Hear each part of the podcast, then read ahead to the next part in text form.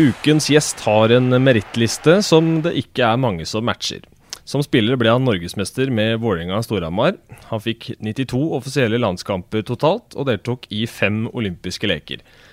Samtidig er det kanskje prestasjonen han som trener de fleste kommer til å sitte med igjen med da han eh, en eller annen gang gir seg med hockey. Han har leda både Vålerenga og Storhamar til topps, og ble den første treneren som tok NM-gull med tre forskjellige klubber da han starta eventyret i Stavanger med å ta ved tronen i norsk ishockey på første forsøk. Totalt ble det seks NM-gull i oljebyen før han tok over stafettpinnen fra Roy Johansen som Norges landslagssjef i 2016, hvor han allerede har rukket å skrive historie som første trener som har tatt Norge til en kvartfinale i OL.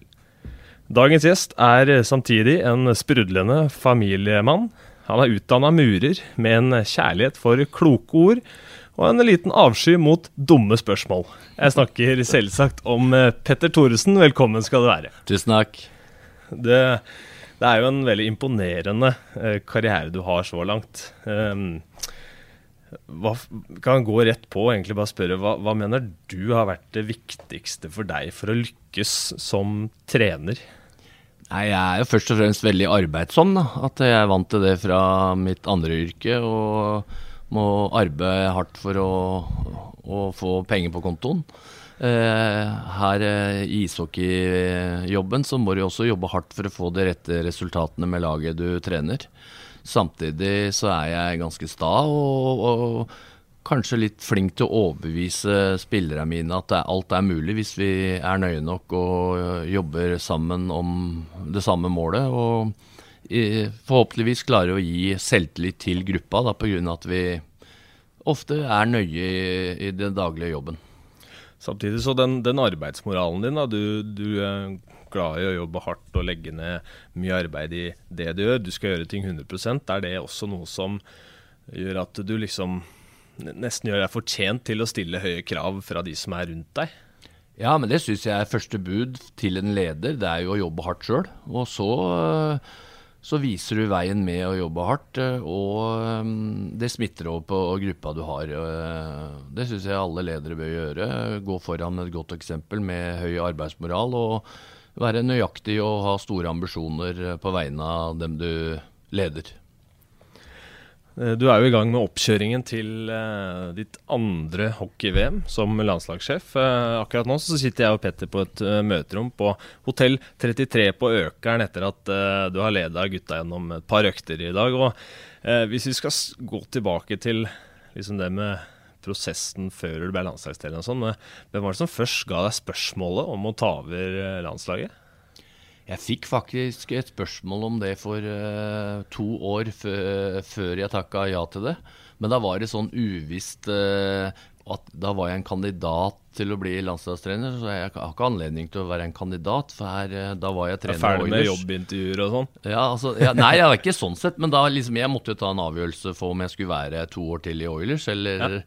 noe annet. Så jeg kunne ikke liksom sitte på gjerdet og vente på at noen skulle gi meg muligheten. Så da blei jeg to år i Oilers, og, og, så kom spørsmålet om å bli landslagstrener seinere, og det var uh, enten Petter Salsten eller Bjørn Mattisrud som spurte om, om den jobben var interessant for meg.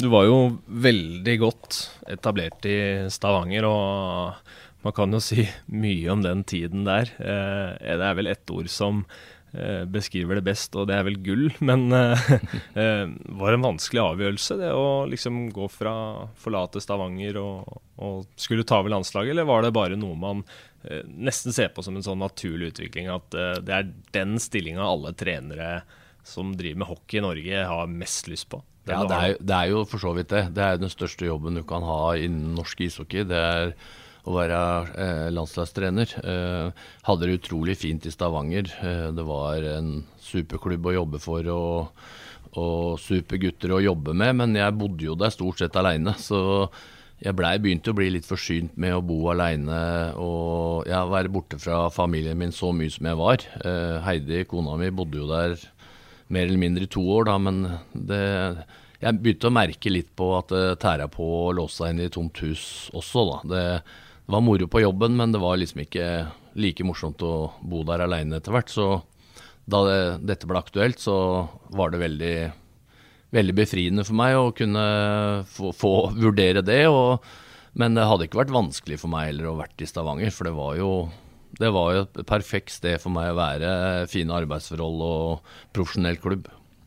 Vi skal gå litt mer inn på Stavanger Oilers og perioden der etterpå, men uh, kan spørre også altså Roy Johansen hadde jo en uh, stor suksess som landslagssjef, han også. Han fikk liksom uh, tatt noen knepp opp, og landslaget ble, har blitt veldig respektert de siste årene som for prestasjonene, og mye også innsatsen og viljen som er i laget rundt om i landet. Det å skulle ta over etter Roy, da, som hadde en så tydelig posisjon, var det en uh, skummel utfordring, eller var det en morsom utfordring? Nei, det var jo på en måte skummel utfordring, for det hadde jo vært veldig mye suksess eh, de siste ti åra nesten med Roy. Han har sittet veldig lenge med, med jobben, og det er klart norske landslaget lever jo, lever jo, litt sånn Du veit ikke hvor flinke vi blir i neste VM, og, og sånn, så det er alltid utfordringer. og så, men jeg liker jo utfordringer. Jeg, jeg veit jo hva jeg kan, og, og, det så jeg på som en stor utfordring. Og det er moro at det kiler ordentlig i maven å kjenne at du skal gå på noe nytt. Det er motiverende i seg sjøl å prøve noe nytt. og, og ja, jeg skulle jo hoppe i det med OL-kvale på Jordal i september, så det kom fort på med viktige kamper. Ja, det gikk jo for så vidt greit, det òg. Eh, samtidig så er det veldig annerledes å være trener for en klubb og for et landslag. Fordi det er som du sier at eh, det kommer Det er jo alltid liksom usikkert. Det kommer et VM i, i mai måned, og det er liksom der man skal prestere. Eh, mens utover det så handler det jo mye om den jobben du gjør. Jeg regner med at du ser en del video nå for tida? Ja, jeg ser veldig mye kamper. Um er på kamper, men er også veldig Istedenfor at jeg reiser meg i hjel, så ser jeg veldig mye gjennom TV-en. Eh, da tenker jeg på SHL og ligaer utenfor eh, Norge, da. Eh, veldig uvant jobb forhold til å være klubbtrener, ja. Det må jeg si jeg måtte nesten venne meg til. Nå var det jo hektisk. Jeg ble ansatt i mai eller tid det var, og så var det OL-kvale, liksom. Så da kjente jeg at jeg levde med en gang, og fikk faktisk en fin forberedelseperiode før OL-kvale. Ja. Eh, med nesten tre uker med gutta. Det var litt forskjellige gutter som måtte være med klubba sin. Men det, alle var mer eller mindre til stede de siste 14 dagene før vi skulle spille i kampene på Jordal. Så det var jeg veldig fornøyd med å få, eh, få litt, satt litt eh, mitt preg på, på laget, da, i og med at jeg var helt ny. og Eh, jeg var helt bevisst på at jeg ville gjerne beholde mye av støtteapparatet som var rundt Roy sitt lag, for det har vært bygd opp et, uh, gjennom mange år. og jeg, som jeg visste var, gutta var mye fornøyd med det som var rundt det. Og så det, måtte jeg sette preg på laget mitt med, med min hockeytanker og sånn som jeg vil at det skal se ut. Og det fikk jeg tid til, og, og vi stilte vel bra forberedt til OL-kvalet. Så hvis du skal dra og se på en match i Norge nå, og, og målet med kampen er å, å, se på noen kandidater da, til landslaget, får du noe, i det hele tatt noe arbeidsro når du er i en norsk ishall, eller er det mye støy da, for å si det på den måten? Nei, jeg syns det går veldig bra. Ja. Det er koselig å møte folk og snakke litt, men uh, da pucken droppes, så er jeg opptatt av det som skjer på isen. For det er um, det er ikke lett å liksom Du, du må nesten plukke ut noen spillere som du skal se på. For hvis du liksom skal se på alle, mm. så blir det litt sånn at det sklir ut i ut i, i sanda, liksom. Du må plukke ut noen spillere. Og jeg har vært veldig opptatt av at vi skal ha et U25-landslag òg, for å utvikle dem og la dem få spille. Så jeg er jo liksom ikke bare å se på han og han som er kandidater til A-landslaget. Jeg også syns det er interessant å se han 19-åringen som gjør det bra her eller der. Så for det er jo helt klart at uh, landslaget, A-landslaget trenger en fornyelse, og det kommer sakte, men sikkert. Og da er det viktig at vi får de yngre gutta som er på trappene, uh, til å også spille internasjonale kamper. Det med U25, uh, handler det litt om litt som motivasjon også for, for norske spillere? Altså, Eh, nå er det jo fortsatt en del eh, ganske greie kandidater til landslaget som fortsatt spiller med sine respektive klubber. Samtidig så har de en ganske grei gruppe å jobbe med. det som er med de U25-gutta, handler det også litt om at eh, de som på sikt kan være kandidat for A-landslaget, ikke skal være ferdigspilt tidlig i mars, for da blir sesongen altfor lang? Nei, altfor kort? Ja, det er det. Og så er det for at uh, det er jo veldig viktig for dem å se at vi også ser dem, da, vi som driver rundt A-landslaget. At vi, vi, følger med mer enn bare de eldste gutta som er på A-landslaget og har vært med i mange år. Vi følger med alle, for vi vet at en vakker dag så er det du eller du som skal være med oss og kjempe om å holde oss i A-pulja eller komme til en kvartfinale. Så og så vet jeg av erfaring at disse gutta som er ferdig med U20-alderen, da, de må ha matchtilbud, for det er så stor forskjell på Gateligaen og internasjonal ishockey. Det går så mye fortere, og det, det, er liksom, det er nesten en annen idrett, faktisk. Så de har godt av å gå ut og bryne seg med god motstand. Og det får de i St. Petersburg, det skal jeg love deg. ja, det, det, tror jeg på. Um, jeg spurte For et par uker siden så var jeg prata med Sjur Robert eh, Nilsen i Sarpsborg. Jeg spurte han om litt av det samme, liksom det om klubbenes si, sportslige investering da, i, i, norske spillere. Er, er vi flinke nok i Norge til å få frem sånne enere, som også er veldig viktige i lagene. Altså de som skal skåre mål, som altså nye typer som Olim-brødrene Zuccarello, Patrick er selvfølgelig der oppe. og eh, Får unge norske spillere den type roller i sine lag her i landet? Det er jo liten plass til det per dags dato, syns jeg, eh, å se. Eh, veldig ofte er det jo importene som får uh, sentrale roller. Um, så det er faktisk en problemstilling som uh, hemmer også litt av de yngre gutta som har uh, evnen til å kunne ta en sånn type rolle. Da. Så der har vi nok noe å jobbe med, men vi, det er jo klubbenes valg å, gjøre på den måten. Så vi, det kan jo ikke vi styre opp på noe som helst måte. Men jeg liker f.eks. å se han Noer i Lillehammer, som nå har fått en litt større og større rolle.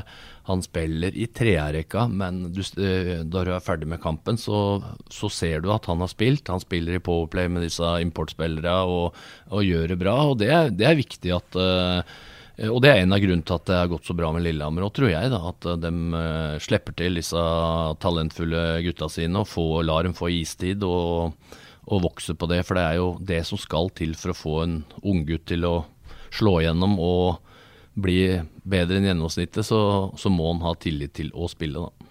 Samtidig så det her veit du veldig godt sjøl også om at det derre presset en trener har på å prestere der og da, eh, kan fort eh, komme i veien for eh, hva skal man si, den langsiktige tankegangen som er kanskje lettere å sitte og tenke på når man eh, jobber eh, i forbundet, eller eh, hva det måtte være? Ja, det er, det er det det handler om. Du, du blir målt på resultatene i kveld, og så, så, er det kamp om to dager igjen. og så Hvis sesongen er over for tidlig da, så, så er jo treneren som får uh, gjennomgå for det. Um, men samtidig så må også hver enkelt trener også være så, så stolt og, og, ærlig mot seg sjøl at en må slippe til dem som er gode nok. og og sørge for å, å over, overbevise alle andre at han er god nok. Du kan ikke se på lønningslista og se at det er en import som skal spille. For det er ikke bestandig de importspillere er så veldig mye bedre enn dem vi har sjøl. Vi kan bevege oss videre mm, til 4.9.2016. Uh, eh, Mathias Nørstebø skåret et ganske viktig mål, eh, som sørger for en 2-1-seier mot Frankrike. Jeg ser du smiler når jeg eh, nevner Mathias. og eh, Hallen eksploderer. Jordal Amfi er stappa. Erna Solberg er der. Det er alle, alle som har et snev av forhold til ishockey, mm. ser matchen, og OL er i boks. Så eh, bedre start er vel ikke mulig å få som en landslagssjef, eller? Nei, jeg kjente jeg levde ordentlig i den perioden der. Eh, jeg visste jo at hvis jeg ikke klarer det, så blir det brukt mot meg. Hvis jeg klarer det, så er det bare uh, en opptur. For, uh, først og fremst for norsk hockey, men også en bra start for meg. Og det starta jo, starta jo kamp nummer én mot Eh, hvem var det? Det var mot uh, Kasakhstan. Mm. Ikke sant? Vi ligger under med to mål, der er et par minutter igjen, og vi tar ut keeper, og vi skårer og bytter keeper. og Det var jo helt magisk uh, å få det ene poenget. Vi tapte jo på Sudden, men uh, det viste seg å være det ene poenget vi trengte. For vi, vi hadde ambisjoner om å slå Italia, og visste det ble tøft mot Frankrike. Så nei, det var små marginer som var på vår side, men samtidig så så fikk vi de marginene på vår side med smartness og eh, at vi var godt forberedt på det vi skulle inn i, og tålte den motgangen vi egentlig starta med. Og jeg ja, kom ut av det med å skåre helt på slutten av kampen mot Frankrike i, i et powerplay, hvor eh, to av spillere som egentlig spilte i det powerplay, var ute, så vi måtte kaste inn noen andre. og det det endte med at vi skårte et veldig viktig mål, og det var kanskje en av de råeste opplevelsene jeg har vært med på, skal jeg være helt ærlig. Liksom det at Jordal var full, vi visste det var siste landskampen der. Eh, det var stort for mange av gutta, eh, eller alle gutta, faktisk. For dem, eh, dem har, mange av dem har jo opp, vokst opp på, rundt Jordal, så det var nok en uh, større opplevelse enn altså ettertid òg, enn akkurat der og da, for da var vi bare så glade og letta. Men det å tenke gjennom situasjonen vi var i, det var, um, det var faktisk magisk øyeblikk uh, den søndagen der. Sånne øyeblikk som det der, klarer man å ta ordentlig godt vare på det? Det å liksom huske hvordan det var å stå på benken der med arma rundt kollegaene dine synge nasjonalsangen, alle andre Det er full jubel på tribunen og sånn, eller er det sånn som man nesten liksom Det blir litt fjernt? Jeg klarer liksom ikke å fordøye det ordentlig akkurat der og da. Det er, da er det glede og liksom sånn impulsglede og lettelse. Men det er veldig deilig å sette seg ned et, i ettertid da, og tenke over uh, ja, at marginene var på vår side, at, vi, at eh, det var så mange glade mennesker rundt oss da vi klarte det. For det, vi var faktisk det eneste landet som arrangerte Det var fire sånne turneringer, og vi var faktisk det eneste hjemmelaget som klarte å leve opp til presset og gå videre til et eh, olympiade. Så, så det, det, er viktig for norsk hockey at vi er med på sånne store turneringer. og det var, eh, det var en fin opplevelse og fin start for meg som trener. Mats Zuccarello sa jo etter, etter, det der at det var det stolteste øyeblikket i, i livet hans. Og det, det, sier jo kanskje, kanskje sitt å få det fra en eh, som har blitt stjerne i New York Rangers. Men føler du allerede da at du hadde fått klart å sette et eget preg på landslaget, at det begynte å se ut som sånn du ville? ja, veldig. Vi begynte litt sånn slurvete i kamp én med at vi trodde vi skulle gå ut og fly med pucken gjennom midtsonen og drille og sånn, men fra periode to og ut så så begynte jeg å kjenne igjen uh, Norge sånn som jeg vil at Norge skal se ut. Uh, at vi er uh, smarte, vi gjør det enkelt og raskt og har trøkk i og setter press på motstandere over hele banen. Og det, det tror jeg vi det, det tror jeg vi um, alle kjente, kjente bytt for bytt, at vi begynte å skjønne hvordan vi skulle fremstå. så det var Det føler jeg at allerede da var Eh, det sådd et eh, frø som eh, ja, håper spirer i lang framtid. Absolutt noe som så ut til å liksom fungere videre i VM-et som ble spilt i, i, Frankrike i fjor. Uh, man kom seg jo ikke til kvartfinale, som alltid er et, et mål eller en, en drøm. Men Samtidig så, så tapte man eh, mot storheter som Tsjekkia og Finland i sudden death, som viser liksom marginene her for hvordan det også kunne gått. og eh, Noe spesielt du kunne ta med deg derfra, fra det mesterskapet? Ja, det vi, eh, det vi må lære, at vi må, vi må eh, altså unngå utvisninger. Det gjentok seg i olympiaden òg. Vi får altfor mye utvisninger. Ehm, det er eh, flere årsaker til det. Det er ikke at eh, spillere er udisiplinerte, men det, går så fort. Eh, vi må lære oss å tenke fortere, vi må agere fortere. Så vi kommer litt på etter, etterskudd, og så, da kommer det utvisninger. Samtidig så i OL-kvalet så hadde vi nesten 30% uttelling i Powerplay. Da med Mats som dirigenten, ikke sant. Og og i, i, VM så klarte vi ikke å levere i Powerplay. Eh, det klarte vi heller ikke i OL. Så, så er, eh, vi er veldig avhengig av å ha med våre beste spillere da, i, eh, hvis vi skal prestere på det, det spilleformen der. jeg ser, jeg ser, i hver eneste kamp vi spilte i OL det var situasjoner som vi fikk Powerplay som vi kunne ryste Sverige, vi kunne ryste Finland, vi kunne avgjort mot Tyskland. Men da klarer vi liksom ikke å sette den avgjørende pucken i fem mot fire. Og det er en spilleform som, som jeg gjerne ønsker at vi kunne bli litt flinkere i. Samtidig så, altså Som trener i Gatlingan så var jo som regel eh, sjef for et, eh, et, av de lagene som var eh, blant de beste. Uten tvil. I Stavanger Oilers så var man jo best nesten hele tida. Mens det norske landslaget stiller ofte som en underdog. hvor forskjellig er det liksom å være i den posisjonen enn enn det man har vært før, da, for din del? Ja, det er jo stor overgang. For jeg har jo stort sett trent lag, som du sier, som har ambisjoner om å vinne. Og, og veldig ofte vinner jo det laget jeg har trent. Og det er ikke noe lett reise. For uh, da er det enda viktigere å være nøye og være, være ydmyk overfor det du holder på med. Når du er storfavoritter år etter år og skal alt annet enn finale er uh, katastrofe. Så, mm, så det, er, det er utfordringen seg sjøl. Nå var landslagstrener, så jeg liker å være jeg, Hodet mitt klarer å omstille seg til å være, slå underfra. Det er også en utfordrende, utfordrende situasjon å være i. og Uh, vi har jo et press på altså, at vi gjerne vil overleve, uh, overleve AVM, for det er veldig viktig for norsk hockey. Men samtidig så setter vi oss mål om å komme til kvartfinalen. For det er noe med å, å, hodene til spillere må være innstilt på at, eh, at eh, det er ikke nok å bare overleve. Vi, vi, skal jo, selv om alle er fornøyd med det innimellom, hvis vi skal slå noen store nasjoner, så må vi først og fremst tro på det.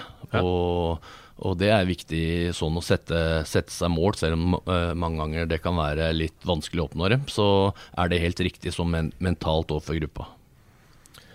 OL i Pyeongchang. Um det starta jo med allerede altså, en god stund før mesterskapet.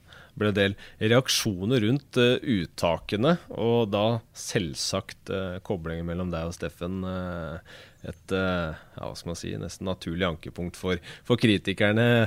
var selvfølgelig mange som også ville liksom se med Sondre Olden, Valkve Olsen osv. Men hva, hva, sier du liksom til de som kritiserer, og da kanskje først og fremst de som peker på det familiære? da? Ja, det, er, det, må de få lov å gjøre, for da er de kanskje sånne personer som tenker sånn sjøl, at jeg ville tatt med kameraten min. Eh, sånn er jo ikke jeg. De hadde ikke overlevd 30 eh, år i denne bransjen hvis jeg fløy rundt og tenker på at uh, sønnen hans er lurt å ha med, for han er direktør, eller han eier klubben, eller noe sånt. Sånn er ikke jeg skapt. Jeg tar ut det laget jeg har tro på hver eneste gang. Og, men at andre har andre meninger, det må jeg bare akseptere. Eh, og, og, bare Det er sånn livet er. Det. Folk ser hockey på forskjellige måter. Jeg ser det på min måte, og jeg, jeg, skal bygge et lag som skal prøve å gjøre bra i et mesterskap. Og da, da, må, jeg, da må jeg faktisk få lov til å plukke dem jeg vil, selv om, jeg, selv om det er sønnen min. Uh, og det blei jo nesten for usaklig etter hvert, for det var jo sønn til Geir Hoff fikk jo kritikk, for han var jo uh, Hvis ikke folk veit det, så har jeg nesten spilt med alle foreldra på det norske landslaget som var i OL der. Så det er mange som ikke skulle vært der hvis, jeg, hvis det skulle vært sånn, for da skulle ikke Olim-brødrene vært der, Røymark skulle ikke vært der. Er, sånn er livet i norsk ishockey. Vi er ganske små, og da, da må de bare stole på at Sjur og jeg tar ut det, det laget vi tror er best, og, men uh, respektere at andre har andre meninger. Går gjennom noen steg når du skal ta ut en endelig tropp? Fordi det er jo alltid noen som er veldig nærme. Så er det en del som er i nærheten, og liksom man har en, en gruppe på Jeg veit ikke hvor mange som er i den sirkelen, som kanskje kunne vært med hadde det vært litt bedre, men så er det kjernen å kutte ned til noen og tjue spillere, og det kan jeg se for meg er ganske, ganske, vanskelig. Ja, det er veldig vanskelig, for det er mange som uh, gjør det bra. Uh, så er det mange, ja, mange som gjør det bra i de ligaene de spiller. Men så er det landslaget. Eh, da du er ute og skal spille mot uh, Tre Kroner eller Finland eller hvem, hvem, det nå er, så er det en litt annen type hockey. Og da, da er det viktig for uh, oss å ha med de rette typene som uh, kan akseptere å spille ni minutter, eh, og noen spiller jo 23. Og liksom, du må er, du, du ser hele tida på helheten karakteren i spilleren. Ja. Eh, ikke alltid hvor mange mål han har skåret, eller eh, hvor han ligger på skytterligaen. For det er nok andre som er flinke til å ha fokus på. Eh, det kan ikke vi ha hele tida, selv om vi trenger folk til å skåre mål på landslaget òg. Men det er ikke dermed sagt at du, eh, hvis du skårer mål i Gateligaen, så er det ikke sikkert du blir toppskårer i i, i olympiske leker, eh, liksom. Eh, en spiller som er, som er produserer i Gateligaen f.eks., som, eh, som har en helt annen rolle enn det han har i klubblaget. Niklas Rost f.eks. Han, han har en fjerderekkesenterrolle og undertallsspiller på landslaget. Han, han, aksepterer den rollen selv om han er storstjerna på Sparta. Så liksom, det er liksom det å akseptere sin rolle i, i i laget som uh, vi er veldig opptatt av. Da. For uh, det er som du sier, du har en kjerne i laget som er, som er uh, nesten forhåndsuttatt. Altså, hvis de ikke er skada, så er de stort sett med. Ja. Og så er det selvfølgelig en, mange flere som er på vippepunktet til å komme inn eller gå ut, da. Uh, uansett, da, OL-et, så endte dere opp med å skrive historie. Uh, i eh, gruppespillet så gikk det som det gikk. Man fikk med seg et poeng mot eh, Tyskland der, men eh, Alexander Bondsaksen steppa opp og skårte i Sudden i den playoff-kampen mot Slovenia og sendte det til kvartfinale. Ja, det var helt eh, Han levde farlig der, for han fikk jo en klønete utvisning ja. Da Sudden begynte, så vi var jo ordentlig under press i den kampen òg, syns jeg. Liksom, vi hadde en god målvakt i Lars Haugen. Uh, vi forsvarte oss bra i undertall og sånn. Og, det var vel et stolpeskudd imot der rett ja, før? Var, uh, vi, var, vi, var, heldige. Vi hadde margin uh, på vår side den kampen òg, men uh, Så det er jo litt spesielt morsomt at Bondsaksen går opp og skårer. Han skårer jo to fine mål i den turneringa og ble toppskåreren vår. Så, så, det var et viktig mål og et historisk mål, det. At vi klarte å vinne da etter hvert på Sudden mot Slovenia. Men eh, folk, eh, eh, folk, er mest opptatt av åssen vi kom til, en, kom til en kvartfinale. Men det, så, vi måtte nesten forsvare at vi hadde kommet på åttendeplass. Ja. For vi hadde tapt mot Finland og Sverige. Det virker som folk var liksom veldig overraska at vi hadde tapt mot dem. ja. Tyskland blei plutselig at det ikke var så dårlig å spille 1-1. Vi tapte på straffekonk. så liksom vi, vi vi, vi, bør være litt bedre enn vi var under OL eh, i et VM, men eh, vi gjør ganske mye bra også under de olympiske lekene der. Så, ja, så ender det med at vi får en fin kvartfinale, som vi blei spilt ut av russere, selvfølgelig. Det var, det var uh, heller ikke en oddsbombe, det. Det var ikke noe bombe, det heller. Men uh, Litt sånn uhell i starten, syns jeg. Det er akkurat i den kampen der hvor de treffer dommerne og går inn. Og vi, ja, vi, er, eh, vi er selvfølgelig underlegne dem i den kampen, det er ikke det jeg vil si. Men den moralen til å kjempe helt til det er slutt med laget som du var inne på i stad, det, det, er herlig gjeng å liksom ha med seg på tur. Vi tåler litt motgang, og, men kommer tilbake og Ja, det endte bra for oss, liksom. Det må jeg si. Tyskland òg, som du sa. Det har vist seg at den matchen, eh, det resultatet ikke var så gærent allikevel, for de gikk jo helt til finalen. Er det noe som gir motivasjon eh, for, for deg som, som, jobber med, med norsk ishockey òg? Ja, det, det, gir jo veldig stor motivasjon til alle som er litt små nasjoner i det VM-sirkuset. For det er jo som oftest eh, seks-sju uh, lag som hele tida er de beste og er i utgangspunktet beste. Men Tyskland er jo et lag du, vi føler vi liksom bør uh, henge med. Og de kommer helt til OL-finalen og uh, skulle jaggu ha vunnet nå. Uh, de hadde powerplay der det var to minutter igjen av kampen og klarer å slippe inn et mål, liksom. Uh, så, så nei, det er veldig inspirerende å se. Men jeg ser også hvorfor de klarer det, for de har jo veldig solid, disiplinert lag. Han tyske treneren han ble jo sterkt kritisert over laget han hadde plukka ut. Fordi ja. toppskårerne i, i Del, den var jo ikke med. Men ikke sant, der også hadde, han hadde jo en helt klar Han skulle ha et lag. Han skulle ikke ha noen divaer som bare spilte for poengene sine. Kjenner du deg litt igjen der, eller? Eh, ja, altså Nå vil ikke jeg si at dem jeg ikke har hatt tok med hver de var. men nei, liksom nei, nei. du eh, det, Altså tenk, måten å tenke på Ja, det var det jeg tenkte på. Ja, det er jo Det er jo um, Det er jo helt likt, og det er jobben til en uh, hovedtrener å tenke på lagets prestasjon, ikke på uh, navn du tar med. Du må ta med det du tror på uh, gagner laget i det lange løp, da. Det er jo et uh, nytt VM på vei, og det, selv om det fortsatt er en liten stund til, så kommer det, det fort, det. Um, dere er i gang med oppkjøringa, som jeg nevnte i stad. Og det er jo en uh, ganske tøff gruppe som skal spilles i, i Herning. Og um, blant annet Tyskland er kanskje et, en av de matchene du har satt en liten rød ring rundt, eller? Eh, litt som i fjor, så har jeg satt eh, fokus på at eh, hvis vi skal nå en kvartfinale, så må vi helst ha Latvia bak oss og Tyskland bak oss, tror jeg. Ja. Og dem starter vi med Latvia og Tyskland de to første kampene. og ja, det er helst lag vi skal uh, slå for å, liksom, å nå det uh, hårete målet vårt med å nå en kvartfinale. Så mye tøffe lag i pulja. Uh, så vi, vi, håper vi har skadefrie spillere og alle kan være tilgjengelige. For vi er jo avhengig av at folk er friske og, og og klare. Eh, de beste spillerne Jeg så Olim i sjette perioden i går fikk en beintakling. Det, det går liksom litt gjennom huet mitt da, og ja. håper det går bra med kneet hans. Liksom. Det gikk jo bra, men eh, du, du, er alltid litt sånn spent uh, før et mesterskap, og liksom folk er uh, friske og raske nok til å være med og motivert til å, å kjempe for Norge. Uh, en ting som det kom ut var vel i forrige uke, med Tobias Lindstrøm. Ja. Og det der, hva, hva tenker du om, om, det? Jo, jeg fikk jo til, telefon fra Espen Knutsen, sportssjefen i Vålerenga, for eh, jeg var før jul.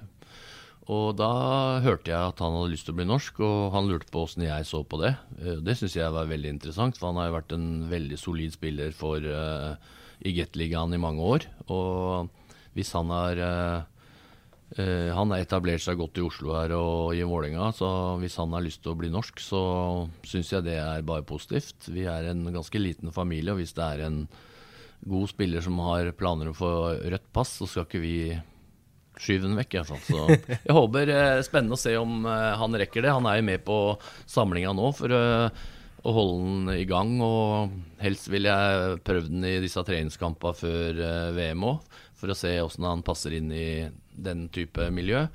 Så får vi bare krysse fingra at uh, han klarer å få det røde passet sitt før uh, VM-uttaket kommer. Så er det alltid spørsmåla som kommer opp, da. De to uh, som er over dammen. Zuccarello og Martinsen. Nå ser det jo faktisk ut som på i hvert fall NHL-lagene deres at det ikke blir så lang sesong som de kanskje hadde hoppa på der. Uh, tror du dem uh, blir å se i Danmark? Dem pleier jo, Begge de to pleier å stille opp da situasjonen uh, er tilgjengelig for det. og det håper jeg på. Mats, Mats blir jo antageligvis klar til å komme inn litt før enn han var i fjor. Eh, så han eh, Så bare håpe at helsa hans og, og, alt stemmer den dagen han spiller sin siste seriekamp, og at, eh, at motivasjonen hans er på topp til å komme og hjelpe kompisene sine til å gjøre et bra VM. Og det har jeg trua på hvis helsa hans holder. Jeg må ta med en ting også som jeg leste på Hockey Sverige til denne uka, at uh, Conor McDavid har gitt uh, signaler om at han skal uh, spille VM for Canada. Hvordan skal man stoppe sånne typer? Han jo, er jo vanskelig å stoppe. Av de beste bekka i verden i NHL også. ja, det kan du si. Det er i hvert fall lurt å ligge nær en, tror jeg. Men han er jo så rask, så det er kanskje ikke så lett å ligge nær en.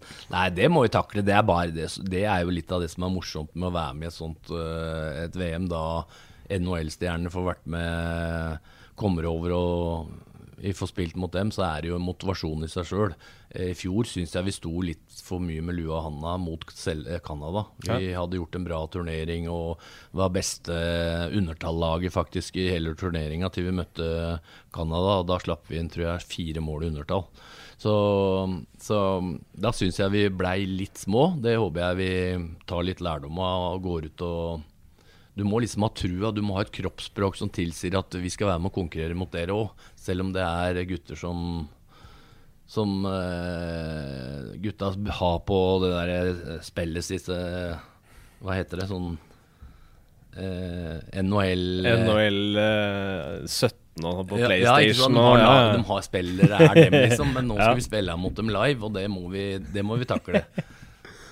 Hvordan tror du det er for gutta sjøl å møte dem? Er det litt sånn eh, Er det litt moro? Jeg har jo sett eh, flere som utnytter muligheten hvis man blir liksom avbilda i en situasjon med f.eks. i et eh, OL med Ovetsjkin eller Crosby eller sånne ting, at eh, det er liksom noe spillere altså tar med seg. da. Ja, det er klart de gjør det. Det er jo en stor opplevelse å spille mot de beste og største stjernene i hele verden i sporten de driver. Og, men det, altså, det, det er det der og det, det skal de få til å synes er stas og alt mulig, men du må liksom gå ut der og konkurrere med dem. Ellers Ja, så blir du spist opp. Det er det viktigste. liksom, eh, Og at de får kølla til eh, en eller annen etter kampen, det ser jeg på som bare en uh, fin grei. Men uh, da, da vi har på oss drakta og skal uh, Det er 60 minutter vi skal gjennom, da liker jeg at vi utstråler selvtillit og autoritet. Du har elleve NM-gull som trener, Petter. Det, det må jeg si, det, det, det er så det holder, for å si det på den måten. Eh, tre av dem med Storhamar. eh, to av dem med Vålerenga og seks med Stavanger Oilers. Så eh, vi skal ta, prate litt mer om Stavanger Oilers eh, etterpå, hvis vi holder oss til liksom eh, eh, tidlig, seint 90-tall og litt på 2000-tallet der, og tiden i Vålerenga og Storhamar. Eh, så satt jeg og så litt i går på, på de spillertroppene som det hadde der og da. Det, der er det mange kule profiler som du har, eh, har leda, må kunne sies. Ja. Eh, veldig mye fine gutter, selvfølgelig, alle disse laga. Eh, hvis jeg starter med Vålerenga, så syns jeg det var moro å, få tilbake Marius Ratt hadde jo lagt opp og kom tilbake. Kom tilbake og spilte en eller to sesonger. Han blei brannmann og la opp ganske tidlig, liksom. Og jeg fikk han til å begynne igjen, eller om det var jeg, eller hva det var. Han begynte iallfall igjen, og det syns jeg er veldig moro, for han spilte jeg jo med en gang i, i Vålerenga da han var ung og jeg var på hell. Eh, samtidig fikk eh, Øystein Olsen var, har jo også hatt mye med å gjøre, og han også kom tilbake og, og spilte i den perioden der. Så det er jo sånne ordentlige Vålerenga-profiler som, eh, som var eh, toneangivende akkurat den perioden der. Som, eh, som var med å, å dra lasset eh, til å være med å vinne en kongepokal. Har du noen høydepunkter fra disse sesongene? Sånn, si, altså Et NM-gull er jo selvfølgelig et høydepunkt eh, i seg sjøl. Såpass eh, skjønner jeg òg, men er det noe som liksom skiller seg ut fra den tida der? Nei, jeg, vet ikke. Nå er jeg så dårlig til å huske ting. Det jeg egentlig husker best, det er jo siste kampen min i, i Vålinga som Vålinga-trener, var jo at eh, Michael Smitter skjøt pucken i mål eh, i femte eller sjette eller periode i Sudden på Hamar. Ja. Det var liksom eh, 7500 folk innafor porta da vi kom til ishallen. To og en halv time før kampen. Så, men det jeg kanskje også husker best, da, det var jo Vi skulle gå ut og avgjøre og bli norgesmestere, og så skulle vi spille fem mot tre, og så var det en keeper som var litt uheldig med å spille en Storhamar-spill på blank, så dem vant på sudden med én eller to mann mindre på isen. Så det Det, det husker jeg. Eh, Så nederlagene står ja, sterkt. ja, jeg er litt sånn, faktisk. Dem, eh, men uh, man lærer jo av sånne ting òg. For jeg husker jeg måtte uh, ta denne målvakten ordentlig i forsvar. For da var jo journalister eh, Skulle jo slakte den fullstendig. Ja. Uh, og han var bare en ung, ung gutt, liksom, på en måte. Og hadde stått en fin sesong. Og, og jeg, da, da han gjorde en tabba, så bestemte jeg meg for at han skal få lov å stå på Hamar òg. Ja. Eh, bare for å vise at eh, ja, det går ikke an å kaste han til ulva nå. Nå må han bli tatt hånd om. Nei, Eh, da, for da hadde han vel vært eh, ferdig, kanskje? ja, jeg veit ikke det, men han hadde kanskje takla det òg. Men eh, eh, det er iallfall sånn jeg er, da. Liksom eh, da, da må du ta dine egne i forsvar. Eh, selv om det var en fryktelig, et fryktelig dårlig valg. Og han gjorde det, og, men det har vi sikkert alle gjort en gang. Noen dårlige valg. Eh, det, du hadde jo en liten pause eh, etter hvert eh, som trener hvor du jobba som, eh, som murer. Var det en Syns du det var en ålreit tid å liksom få hockeyen litt på avstand? Ja, jeg tror det er liksom litt greit å se ting litt utenfra. Har jeg gått liksom som spiller. Var jo med og spilte 15-16-årsalderen på A-laget til forward videre oppover. Og så gikk jeg rett over som trener. Så det er klart at uh, du kan bli litt enspora når du bare går og tenker på det. Selv om jeg jobba jo som murer da jeg var spiller og sånn sjøl da òg. Men jeg følte jeg ikke hadde Jeg var ikke helt meg sjøl de siste åra, for da jobba jeg og var trener samtidig. Og da tenkte jeg nå, nå er jeg ikke meg sjøl. Jeg er ikke så på som jeg liker å være. Jeg føler jeg ikke gjør god nok jobb. eh, Og da følte jeg at da får jeg bli murer eh, på heltid. og og dra på hytta i helgene. Men sånn blir det jo ikke da du be- jobber fra sjøl. Da jobber du hele jobber tida for å få ja. uansett. Så det blei litt rart. Og eh, faktisk så syns jeg det var vel så mye press å skaffe seg jobber og gjøre jobber og, og ja, eh, helt tatt eh, Det var like mye sånn pressaktig yrke det òg, for du må jo levere der til kunder dine og alt mulig, så Eh, det var godt, men eh, det var godt å se hockeyen litt utenfra. Eh, og så, så blir du mer og mer tagget eh, eller klar for å liksom Fy fanken, hva jeg har gått fra. Det, det, nå savner jeg det ordentlig, for det gjorde jeg jo etter tre måneder, liksom. Ja. Endte jo til slutt opp i Stavanger. Eh, hvor, hvorfor endte du opp der? Jo, da hadde jeg vært borte i to sesonger. Og, øh, jeg begynte vel der i 2009. Ja. Det, eh, før 2008 så fikk jeg også et forespørsel om jeg var interessert i å trene Stavanger. Og da hadde jeg, jeg kommet godt i gang med eh, å drive for meg sjøl som flislegger på Hamar, og tenkte liksom nei, nå må jeg stå litt i dette her, og takka nei til det. Men hadde ikke før liksom uh, bikka sommerferien, så begynte jeg å liksom savne hockeyen. og da, Gjennom hele vinteren så fulgte jeg med Oilers litt spesielt, faktisk mye. For å, for å tenkte de ringer, ringer igjen. Ja. Og hadde snakka med kona mi at liksom, hvis de ringer nå, så har jeg lyst til å prøve det å dra til en by og eh, et helt annet sted i Norge som aldri hadde vunnet noe før. Og jeg visste at klubben satsa hardt og hadde ambisjoner eh, om å, å bli best. Og sånn, Det liker jeg, liksom da klubba har den offensive tankegangen og, og vil strebe etter å bli best. Og da, da jeg fikk den telefonen da, så var det veldig lett for uh, Paul Iksen å overtale meg til å komme over til eh, Stavanger. For det så jeg som en stor utfordring. Samtidig som jeg eh, hadde trent ganske mange av de gutta enten på et juniorlandslag eller et klubblag som var i Stavanger. Så det, det hoppa jeg på med optimisme, men eh, jeg kan si helt ærlig at jeg lovte ikke noe kongepokaler med det første. For jeg, jeg eh, var ganske overbevist om at det ville ta litt tid å, å forme kulturen eh, der til eh, det å bli et vinnerlag.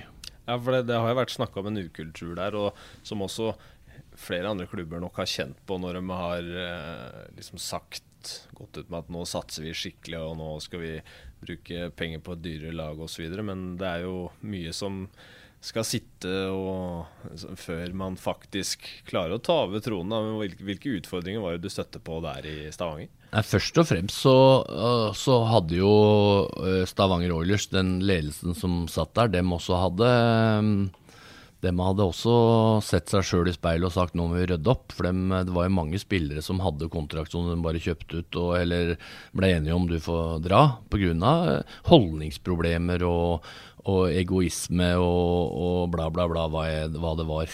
Så jeg var jo veldig overraska da jeg kom dit. at liksom, skal har vi, Mister vi han, han og han og han nå? Ja. Da hva har dere planer om? Så, men da bygde vi, og jeg var jo veldig, veldig innstilt på at de norske spillerne skulle få større roller i Stavanger Oilers. For det hadde jeg sett gjennom den sesongen før. at eh, at det var jo bare utlendinga som spilte førstefiolin, og de styrte jo alt der. Og det, det, de norske spillerne som jeg har hatt på både ja, klubblag og landslag, de gikk ut på der som eh, små fugleunger. Og liksom så ikke ut som de hadde, hadde det gøy med å spille ishockey. Og det, det er det første jeg tok tak i, de spillere. Snorre Hallem, Lars Peder Nagel. Altså gutter som jeg kjente fra før, eh, som skulle Dennis Veum. Altså det var, dem, var flere som jeg hadde hatt noe med å gjøre. At liksom nå må dere være med å bygge et lag. Og det første vi må begynne med, og det, det visste jo dem, eh, dem som kjente meg jo, at nå må vi begynne å trene om sommeren. For da skal vi vinne noe, så må du investere noe tid i å trene. Og Oilers hadde jo kommet på åttende, niende, tiendeplass i Ironman år etter år. Og Det er første jeg sa til gruppa. Vi, eh, vi skal være blant de tre beste i Ironman hver, eh, hvert år jeg er i denne klubben. For da, det, det er på en måte starten på at du har planer om å vinne noe. Ja. Å være godt forberedt med fysisk med laget ditt. Det tror jeg er veldig viktig. Sånn mentalt og selvfølgelig fysisk, da. Og de første fem åra så tror jeg vi vant fire av dem i Ironman. Eh, Så liksom det, det å investere i eh, god trening, og, ikke minst strukturere opplaget, da. At å spille Altså, du spiller ikke 'jeg har lyst til å gå ned til pucken og gå der'. Du må liksom ha dine roller i laget, du må ha en fasong. Eh, Vi skal kjenne igjen på dårlige dager.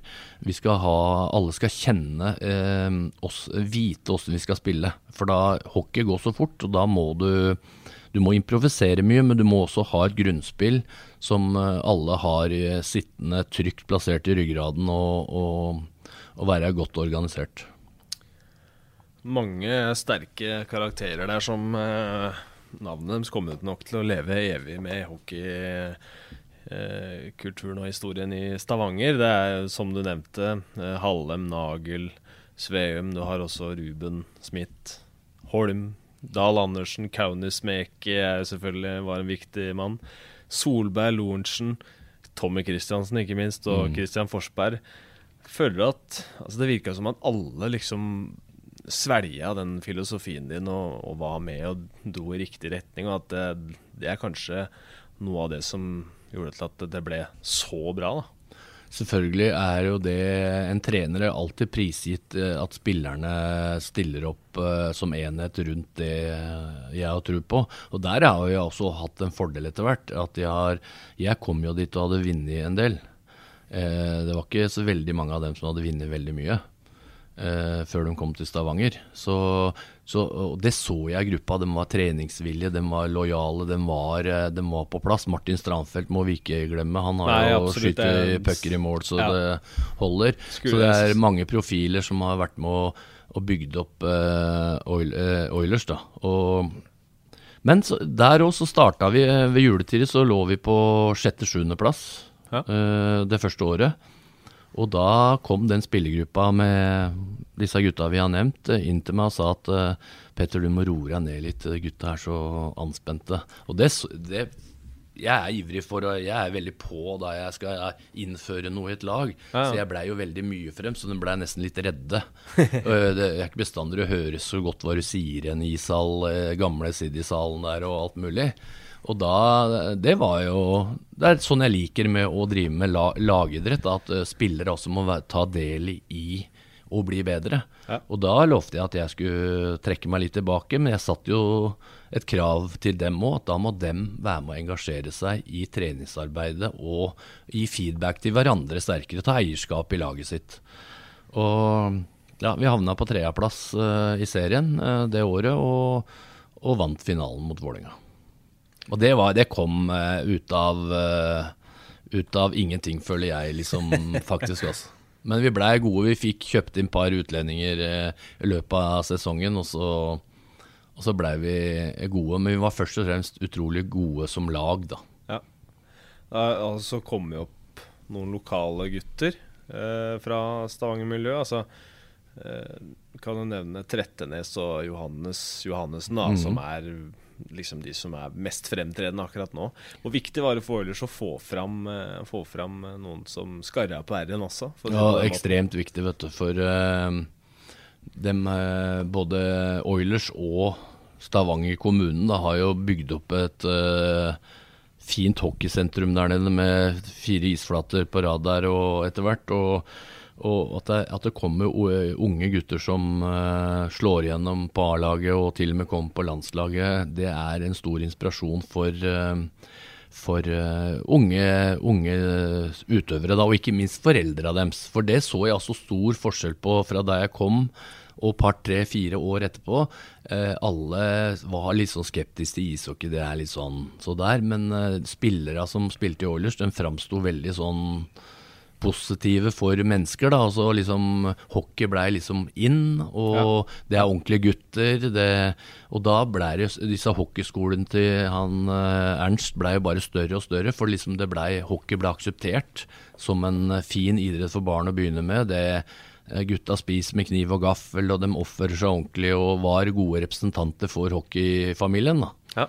Så selvfølgelig viktig at det kommer noen uh, egne gutter opp som har uh, gått sine barnsbein i, på vannet borti Stavanger. Samtidig så, i løpet av den perioden Man traff jo ekstremt godt på importene i løpet av den tida også. Det er jo, det er jo ingenting, eller ingen tvil om at en, en god import er en berikelse for Gateligaen. Uh, det tror jeg de aller fleste er enig i. Men var, var, du noe særlig involvert i akkurat den eh, prosessen der? Det med hvem man skal hente inn og ikke? Jeg var veldig opptatt av type spiller. Eh, trenger vi en offensiv back, en defensiv back, en eh, toveissenter? Eh, sånn type ting var jeg veldig opptatt av at Pål og jeg snakka om. Og Pål informerte meg bestandig hva syns du om han. og og det var veldig viktig. Men kanskje det viktigste vi gjorde, var jo, var eh, takke Kristian Dahl Andersen. Han ringte meg i slutten av sommerferien min og spurte om han kunne få lov å være med. Da hadde han vært borte ett eller to år, ikke veit jeg. Ja. Ja, men hvorfor har du ikke ringt før, så du kan være med på sommertreninga? Nei, da hadde han vært med kona si og spilt eh, som volleyball, for hun var proff på det. Men det, jeg, det, er jeg glad for, for jeg har hatt erfaring som jeg var inne på i stad med Marius Ratt og andre som har gjort comeback etter å ha vært borte litt. Ja. Og det Jeg lovte ikke Christian noen ting, men jeg ville gjerne ha han med, for jeg liker folk som liksom har vært ute av det, og så De får liksom litt sulten på ny, og da da begynte han i femterekka på treninga på Nærbø, og, og, fikk den plassen han fortjente etter hvert. Eh, Paul Higson, hvor dedikert er han til, til hockeyen?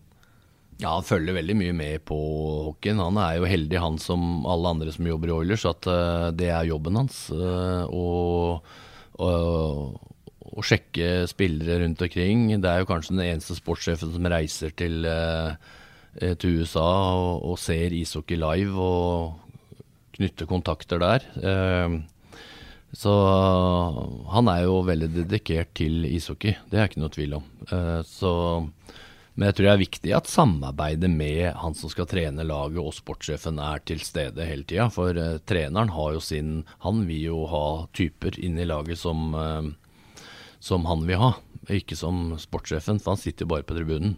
Ja. Det er jo treneren som jobber med personen hele tida. Mm. Og det har jo eh, Oilers også, Paul, altså, tror jeg liksom lært mye gjennom året. At liksom det å få folk fra universitet og ja, liksom ikke bare hente folk som har god statistikk, men personen. Altså du må, du må ha folk som kommer til oss som uh, kan oppføre seg, innordne seg. For det var jeg veldig opptatt av da de importene kom til oss. Så sa jeg du må bevise meg at du fortjener det du skal ønsker, ønsker å spille Powerplay og få mye istid.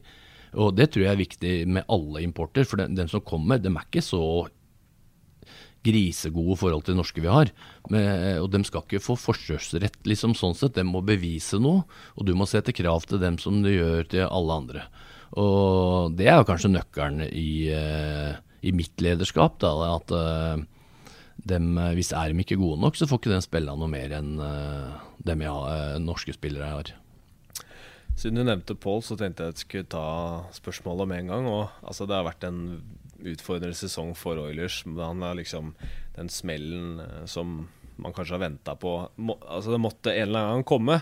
Kom denne sesongen. Og du har vært der sjøl, vet hvor kravstort miljøet er med pressen og publikum. Eh, hvordan tror du det liksom har vært nå? Eller du veit kanskje og har sikkert prata en del med Nei, Da mener du Pål trener? Ja, ja. ja Gulbrandsen. Ja. Det er klart det har vært uh, kjempetøft. Uh, tøft. Det folk ikke helt har registrert, da, det er jo at det var perioder de hadde åtte-ni mann borte. Og det var ikke åtte ni dårligste spillere, det var de åtte-ni beste spillere, og kanskje flere til og med, som var eh, borte over en periode, samtidig som de sleit. Så det er jo Det har vært eh, mye, mye som er, du ikke klarer å styre, da. Ja. Og da har jo unge gutter fått lov å prøve seg. De klarer seg bra, dem, men uh, de har jo blitt for ustabile. Og da de kom blei usikre, så syns jeg jeg har sett det gjennom hele sesongen at de ikke har fått dreis på det. Og da syns jeg det er nesten litt nivåløst uh, at Pål skal få skylda i alt. For uh, spillere òg har jo et, uh, har jo et eier, eierskap til det de leverer. Det er jobben til spillere. Mm. Det er ikke bare jobben til Pål å få dem til å å motivere seg sterkt nok og ofre seg nok for at laget skal få poeng. Så så det har blitt veldig mye negativ kritikk om Pål Gulbrandsen. Og dette er jo, dette er jo et lagspill. Eh, spillere, eh, sportssjef, trener. Og alle har vel egentlig vært litt med på at, eh, at de ikke har klart å snu det, og at eh, resultatene har uteblitt, liksom. Så det er, eh, det er flere enn eh, Pål som er delaktig i at det ikke har gått bra.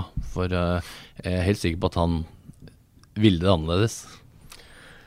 Tore Kristiansen, jeg er sikker på Hadde du fått eh, sjansen nå til å kopiert han 15-20 ganger og det fordelt den litt sånn jevnt utover hockey i Norge, så hadde du ikke takka nei til den muligheten?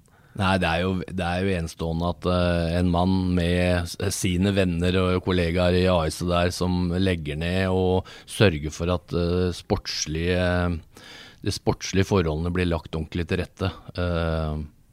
Og det er jo veldig takknemlig både som trener og ikke minst som spiller å ha så fine arbeidsforhold som du har i, har i Stavanger. Og det, det, unner jeg faktisk alle norske spillere å ha. At de kan uh, sørge for å stå opp om morgenen og komme på treninga og, og ha fine uh, forhold rundt seg, og eventuelt gå og jobbe litt, eller gå på skole, studere litt ved siden av. Så dem har jo vært stor uh, altså Oilers-organisasjonen har jo vært veldig stor bidrag til at det har blitt suksess, for de har lagt uh, profesjonelle føringer på det sportslige satsinga. Hvor stolt er du over den tida i Stavanger og det dere fikk til? Du nevnte jo at eh, det første NM-gullet hadde du liksom aldri sett komme, og endte opp med fem til. Uh, det må være Altså, Hadde det vært meg, da, så veit jeg jeg hadde vært fornøyd med det jeg hadde fått til. i hvert fall. Ja da, det, og det er jo Stavanger-folk også vært veldig flinke til å De er veldig flinke til å rose der det går bra. Uh, så det var en drømmeperiode å være der. Jeg husker, Det jeg også husker veldig godt, det er jo at vi tapte finalen mot Sparta året etter vi hadde vunnet første gang. Og da Det var liksom Det syns jeg satt det satt også lenge i Selv om Sparta hadde veldig godt lag, men jeg liksom analyserer da Matcha jeg laget for hardt i semifinalen og bla, bla, bla. Men, øh, men det er Du lærer av å tape også. Uh, det ga oss enda en ny tenning. Også det å, det å tape er én ting, men det å vinne år etter år, det også er veldig krevende idrett. Altså. Uh, men du må være ydmyk. Du må starte på null da du begynner året etterpå igjen. Og, og ha sultne gutter, for det koster en del å, bli, å vinne. Du, du, skal legge ned mye arbeid for å vinne, og det er, var jo den spillergruppa helt rå til. da. Og Vi fikk jo rette folk inn. Foppa kom inn etter hvert. Tommy kom inn. Det er liksom vi var flinke og flinke til å hente de rette karakterene da, til spillerne. Og da tenker jeg ikke bare på isen, men også, også det å ha, være profesjonell utøver, liksom. Hvem er det som har betydd mest for deg som, eh, altså i trenerkarrieren? Nei, tenker du hvem jeg har lært mest av, ja, eller? Ja, vi kan ta det, da. Nei, jeg har jo hatt veldig mange trenere. Uh, gjennom uh, året jeg spilte, så det var jo Det er jo liksom uh, Lennart Aalberg innførte jo i, uh, i Vålinga at vi skulle spille etter et system og organisere laget vårt. Da, som vi, vi spilte jo litt mer på sånn talent og impulser og individuelle ferdigheter før han kom, men så ble det mer sydd opp i et system og en måte å spille på lærte jeg mye av. Så lærte jeg mye av Geir Myhre. Han uh, hadde alltid Alle spillere som han hadde, var alltid klare for å trene bra og, og, og jobbe hardt for laget. Og han, uh, han har jeg selvfølgelig lært mye av. Så har jeg hatt noen landslagstrenere også som har gitt meg impulser.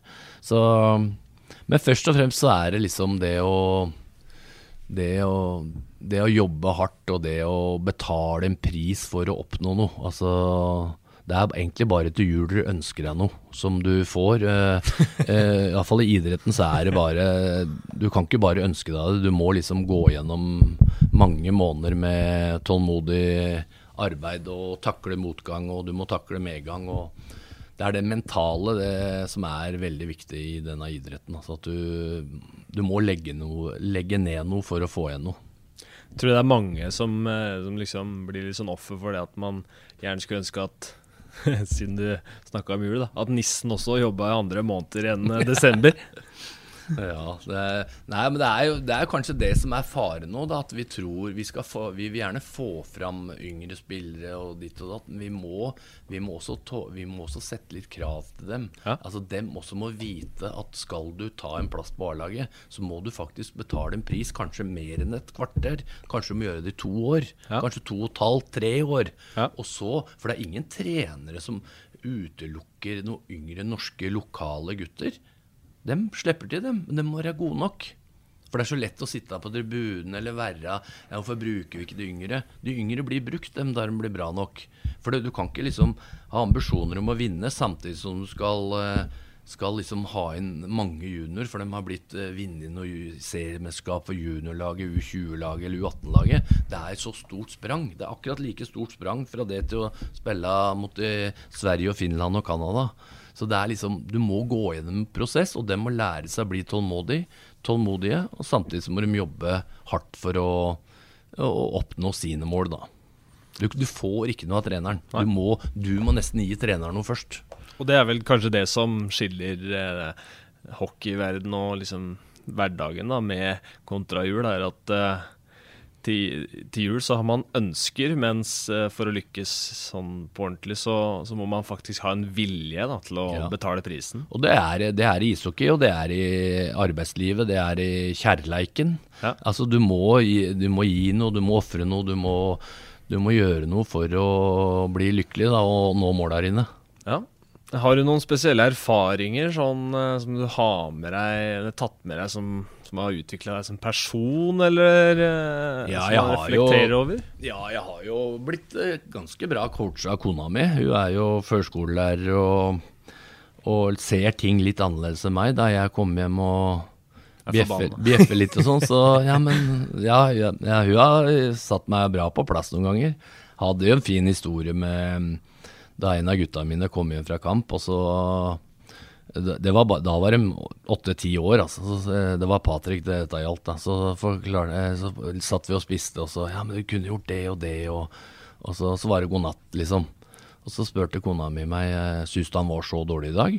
Dårlig, sa jeg. Ble nesten irritert. ikke sant? Han var jo banens beste. Ja, men tror du han føler det da du bare forklarer alt han burde gjort bedre.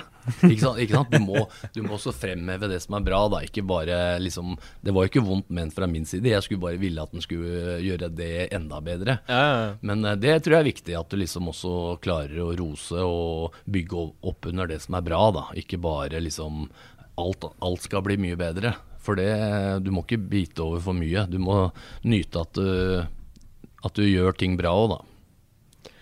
Som for norsk ishockeys del, hva, hva, er liksom vår største utfordring eh, for at vi skal komme oss videre og bli mer profesjonelle, da, som er eh, liksom den tingen alle peker på for at vi skal bli bedre?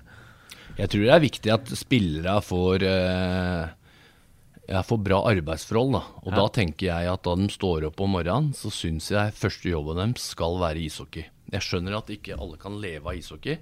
Men det, det de står opp, opp eh, om morgenen etter de har kjørt unga sine, eller noe sånt, og at de trener og går på eventuelt en jobb en tre-fire timer, og, og, da frigjøre kvelden for eh, familie og, og, sånn, da. For da kan du følge dattera di på balletten og Altså, da er du mer involvert. Jeg tror liksom hvis du skal jobbe fra åtte til fire, og så skal du trene etterpå det er kanskje ikke så mange som gjør akkurat det lenger, men det blir for tøffe hverdager. Jeg tror det er viktigere å ha uh, uh, tøffe hverdager, men på rett måte. Da. At de uh, trener mer og har overskudd til å trene, er mer konsentrerte og har fokus på at dette, det, dette er mitt gjøremål i dag, så drar jeg på jobben etterpå og gjør det bra der. Og så har du overskudd til å være hjemme òg, da.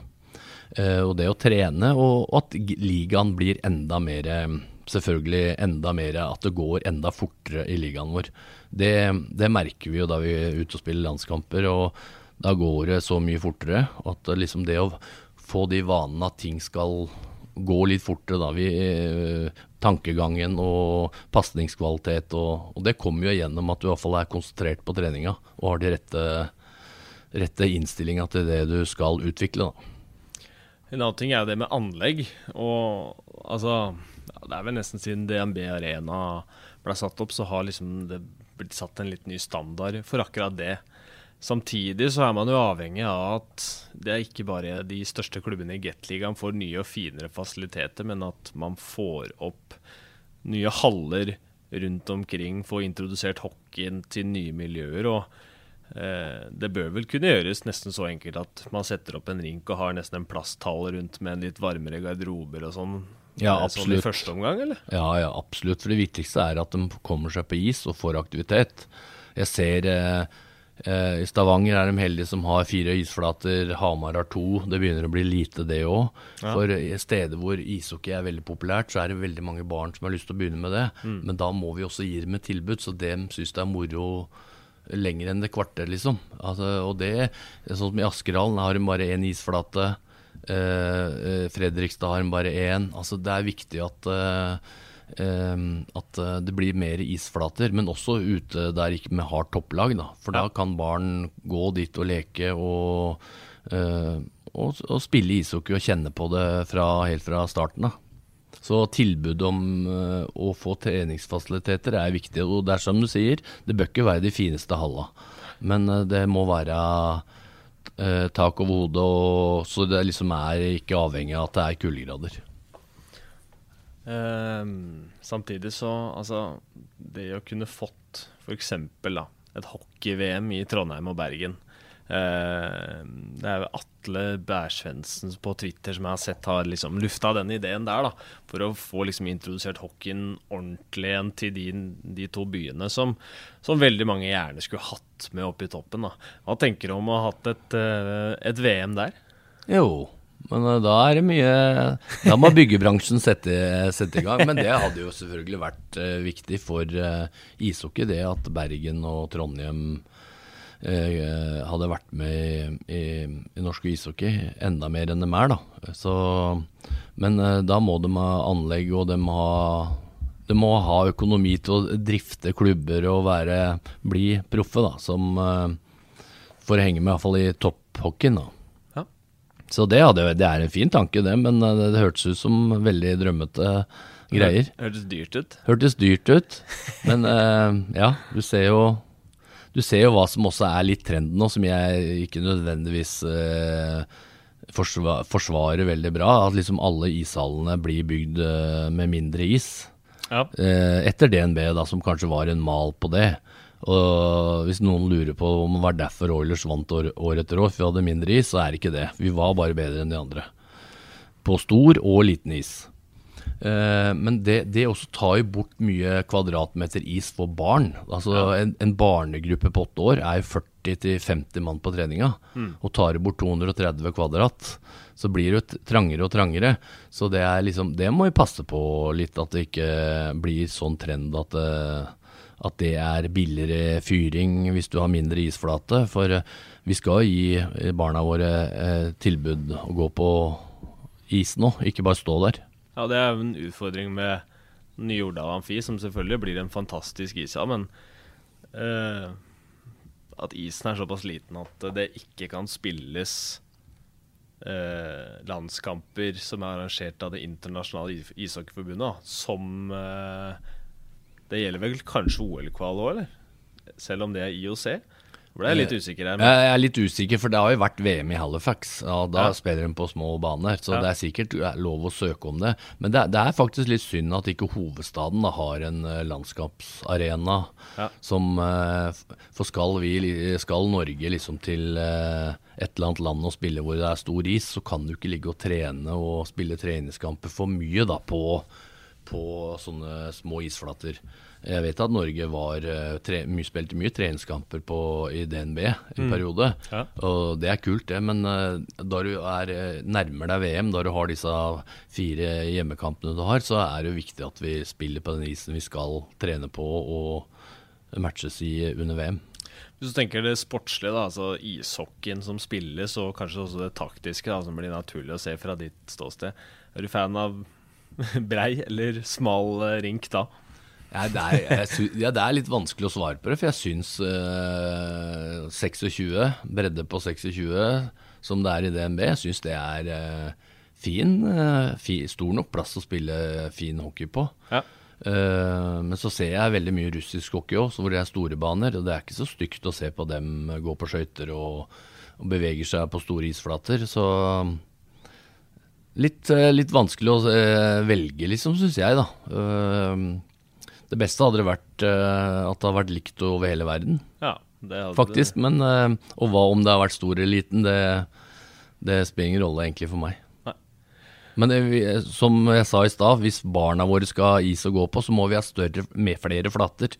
For i og med at vi tar fra dem eh, så mange kvadratmeter, så må vi jo ha en liten ishall ved siden av hovedarenaen, for å si det sånn. da.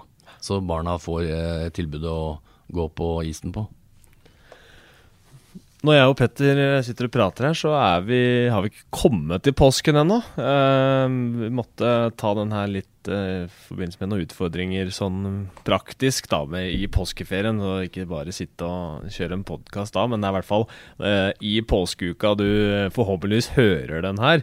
Eh, så siden vi sitter her og prater eh, nå, Petter, så har det jo vært litt utvikling i, eh, i NM-sluttspillet, og også kvaliken med opprykksmatch mellom Ringerike og Narvik som skal spilles. Eh, Vi kan jo starte med den. Hvor kult er det at det blir et nytt tilskudd til Gateligaen? At enten om det blir Ringerike eller Narvik, så er det jo moro at hardt arbeid betaler seg for noen av klubba i førstedivisjon. Ja, det er klart det. Er veldig Det har vært eh, I fjor var det ingen som klarte det. I år er det et av de laga som klarer å rykke opp. Det er jo Det er jo egentlig Det var jo synes, eh, Jeg var overraska, for jeg syns Kongsvinger har gjort en eh, veldig ujevn sesong, men en god sesong. Jeg har ikke helt fulgt med hva som har skjedd der etter jul, for er etter jul har de jo dette en del av, Ja. syns jeg. Ja. Da, da har jeg liksom begynt eh, Men eh, men eh, all ære til Ring Ringerike som har uh, jobba jevnt og trutt med Borch eh, junior over en periode. Og Narvik har jeg faktisk ikke heller så veldig stor innblikk i hva den driver med. Men det er, de er der de er, og det fortjener de å være. Og det er jo egentlig litt sånn artig for norsk ishockey, det òg. For vi snakker jo om å spre idretten vår Ja, utover i landet vårt. Det. Det går jo ikke trikk opp til eh, Narvik, så, så det er Vi har jo blitt kalt for trikkeserien en, eh, noen år tilbake, kanskje, da. Men, Ja, eh, ja, ja. men det, det er jo også For jeg tror dem også har en indre drive om å ønske at å bli litt uh, markere seg i norsk ishockey. Jeg vet ikke hvor godt eh, veldreven klubben er, men eh, nå er de der de er, og nå har de én kamp fra å rykke opp, så det får bare ønske begge laga lykke til, jeg. Og hvem tror du møtes i finalen i NM-sluttspillet? Ja, nå var jeg på Hamar nå sist kamp, og da syns jeg Frisk eh, kom ordentlig sterkt tilbake. Uh, For ordens skyld da, så er det nå to enige kamper til Storhamar mens vi sitter og prater. ja, det er greit, så ikke folk tror vi er helt fjerne i påsken. Ja. Fanken veit de ikke hvem som er i finalen. Nei. Nei altså det, det Jeg skal ut i Askerhallen og se i dag. Eh, Storhamar må, heve seg hvis de har planer om å spille finalen. For jeg syns Frisk var mer friske i nærkamper og uh, så litt mer solide ut. Storhamar har vært klart best i de to første, syns jeg, da. Eh, så det blir spennende å se. Lillehammer klarte å vinne i Sparta Amfi i går og lede 3-0 i kamper, så jeg tror de eh, kommer til finalen. Og så tror jeg faktisk eh, Storhamar eh, klarer å ja, komme litt ned på jorda, for jeg syns de spilte litt cocky hockey i forrige kamp, hvor de tapte på hjemmebane. Så hvis de klarer det, så tror jeg dem og Lillehammer, eh, Storhamar og Lillehammer spiller finale. Mjøsterby der, altså. Da blir det Mjøsderby, og det er noen år sia. Det begynner å bli en god studie. siden. Tør å si noe om hvem som eh, trekker det lengste strået der, eller skal vi la dem eh, spille sjøl? Nei, må jo tippe litt. Eh, og jeg tipper da Storhamar, som klarer å vinne Ser du noen finalen. likheter mellom det laget der og noen av de utgavene du hadde i Stavanger? Det er jo et ja, Bredden på laget ja. uh, syns jeg Storhamar uh, har hatt. Jeg syns de har vært flinke til å hente spillere som fyller en rolle. De har ikke bare henta spillere etter statistikk. Og da uh, Det er også viktig. Jeg syns de har gjort mye mer grundig jobb på det. De, har, de har flere enn bare Rønhild som er litt guffen å møte. For det, mm. det har jo var i fjor, og i fjor ble han skada i sluttspillet. Ja. De har vært heldige med importspillerne sine. Jeg syns uh, stort sett uh, de importspillerne som er, var der fra før, også har heva seg. Samtidig som han Curran og, og han Morrison syns jeg også gjør bra arbeid. Så, men helheten, at de er godt organisert og, og sånn, tror jeg taler for at uh, Storhamar klarer å vinne, til syvende og sist. Nå, nå forutsetter jeg at de slår frisk, for der tror jeg, ja. det tror jeg blir en tøff uh, reise for dem. Ja. De må opp på sitt beste. Så, men uh, ja, det er likheten mellom Oilers og Storhamar, for å si det sånn. Bredden i laget, og at de til og med har et uh, par utlendinger på tribunen der de spiller. Jeg vet ikke om det er så positivt bestandig, men det er iallfall nå. Sånn sits er de mye, men jeg syns de klarer å framstå liksom veldig organisert og har tre gode rekker som kan være med og, og skåre mål. Hvis den ene ikke lykkes, så kan noen andre gjøre det en annen rekke. Så de har ikke vært avhengig av uh, den ene eller andre rekka, da, for de, de, utfyller hverandre, de tre første rekkene syns jeg.